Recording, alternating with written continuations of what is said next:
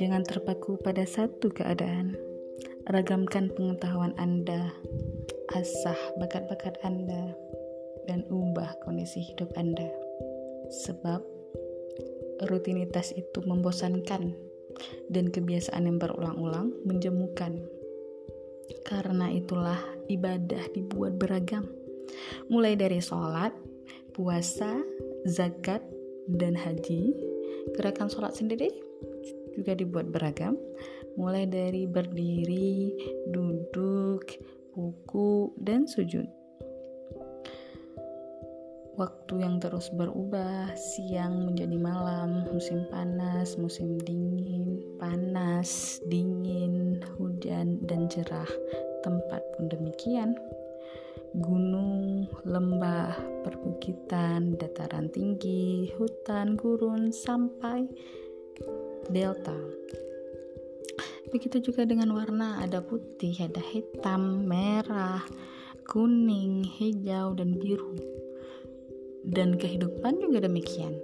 Senang dan sedih,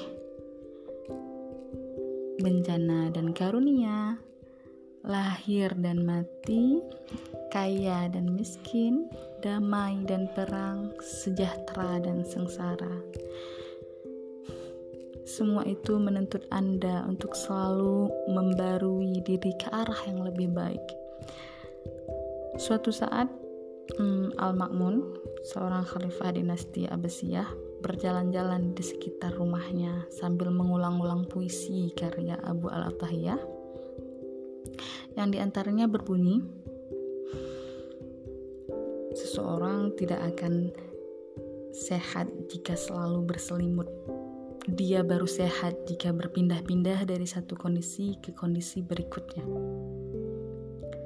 Tentukanlah waktu untuk membaca, waktu untuk berpikir, waktu untuk berzikir, waktu untuk introspeksi diri, waktu untuk meneliti, dan waktu untuk rekreasi. Demikianlah, bagi-bagi waktu Anda untuk hal-hal yang bermanfaat.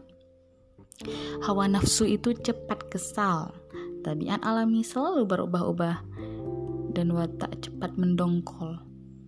Karena itu, berusahalah untuk menjadi musafir yang peka telinganya dan pedagang yang tajam matanya.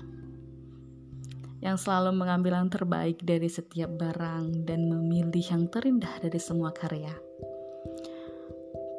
Pemaksaan terhadap jiwa pada satu cara dan satu kebiasaan adalah pembunuhan terhadap ketajaman dan kepekaannya dan memperlakukan tabiat alami yang disiplin yang berlebih-lebihan dan kesungguh-sungguhan yang melewati batas sama saja dengan bunuh diri.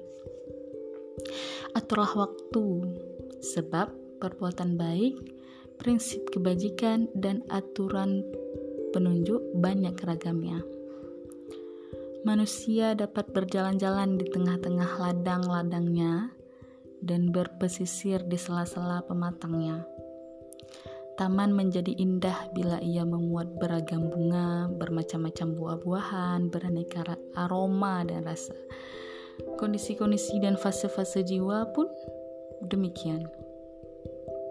Ia harus diberi cakrawala yang lapang, pengetahuan yang luas, serta fasilitas-fasilitas kehidupan yang diperbolehkan oleh agama agar ia bergembira memasung jiwa di lorong yang sempit dan rutinitas yang kaku yang tidak diperintahkan Allah akan membuat jiwa lemah, lelah dan hancur. Allah Subhanahu wa taala berfirman, "Mereka mengadang-adakan kerahiban padahal kami tidak mewajibkannya." tetapi mereka sendirilah yang mengadang-adakannya untuk mendapatkan keredaan Allah. Lalu mereka tidak memeliharanya dengan sungguh-sungguh. Quran Surah Al-Hadid ayat 27 Manusia seharusnya membidik semua keuntungan dari perbuatan-perbuatan baik dengan panahnya. Seorang penyair berkata,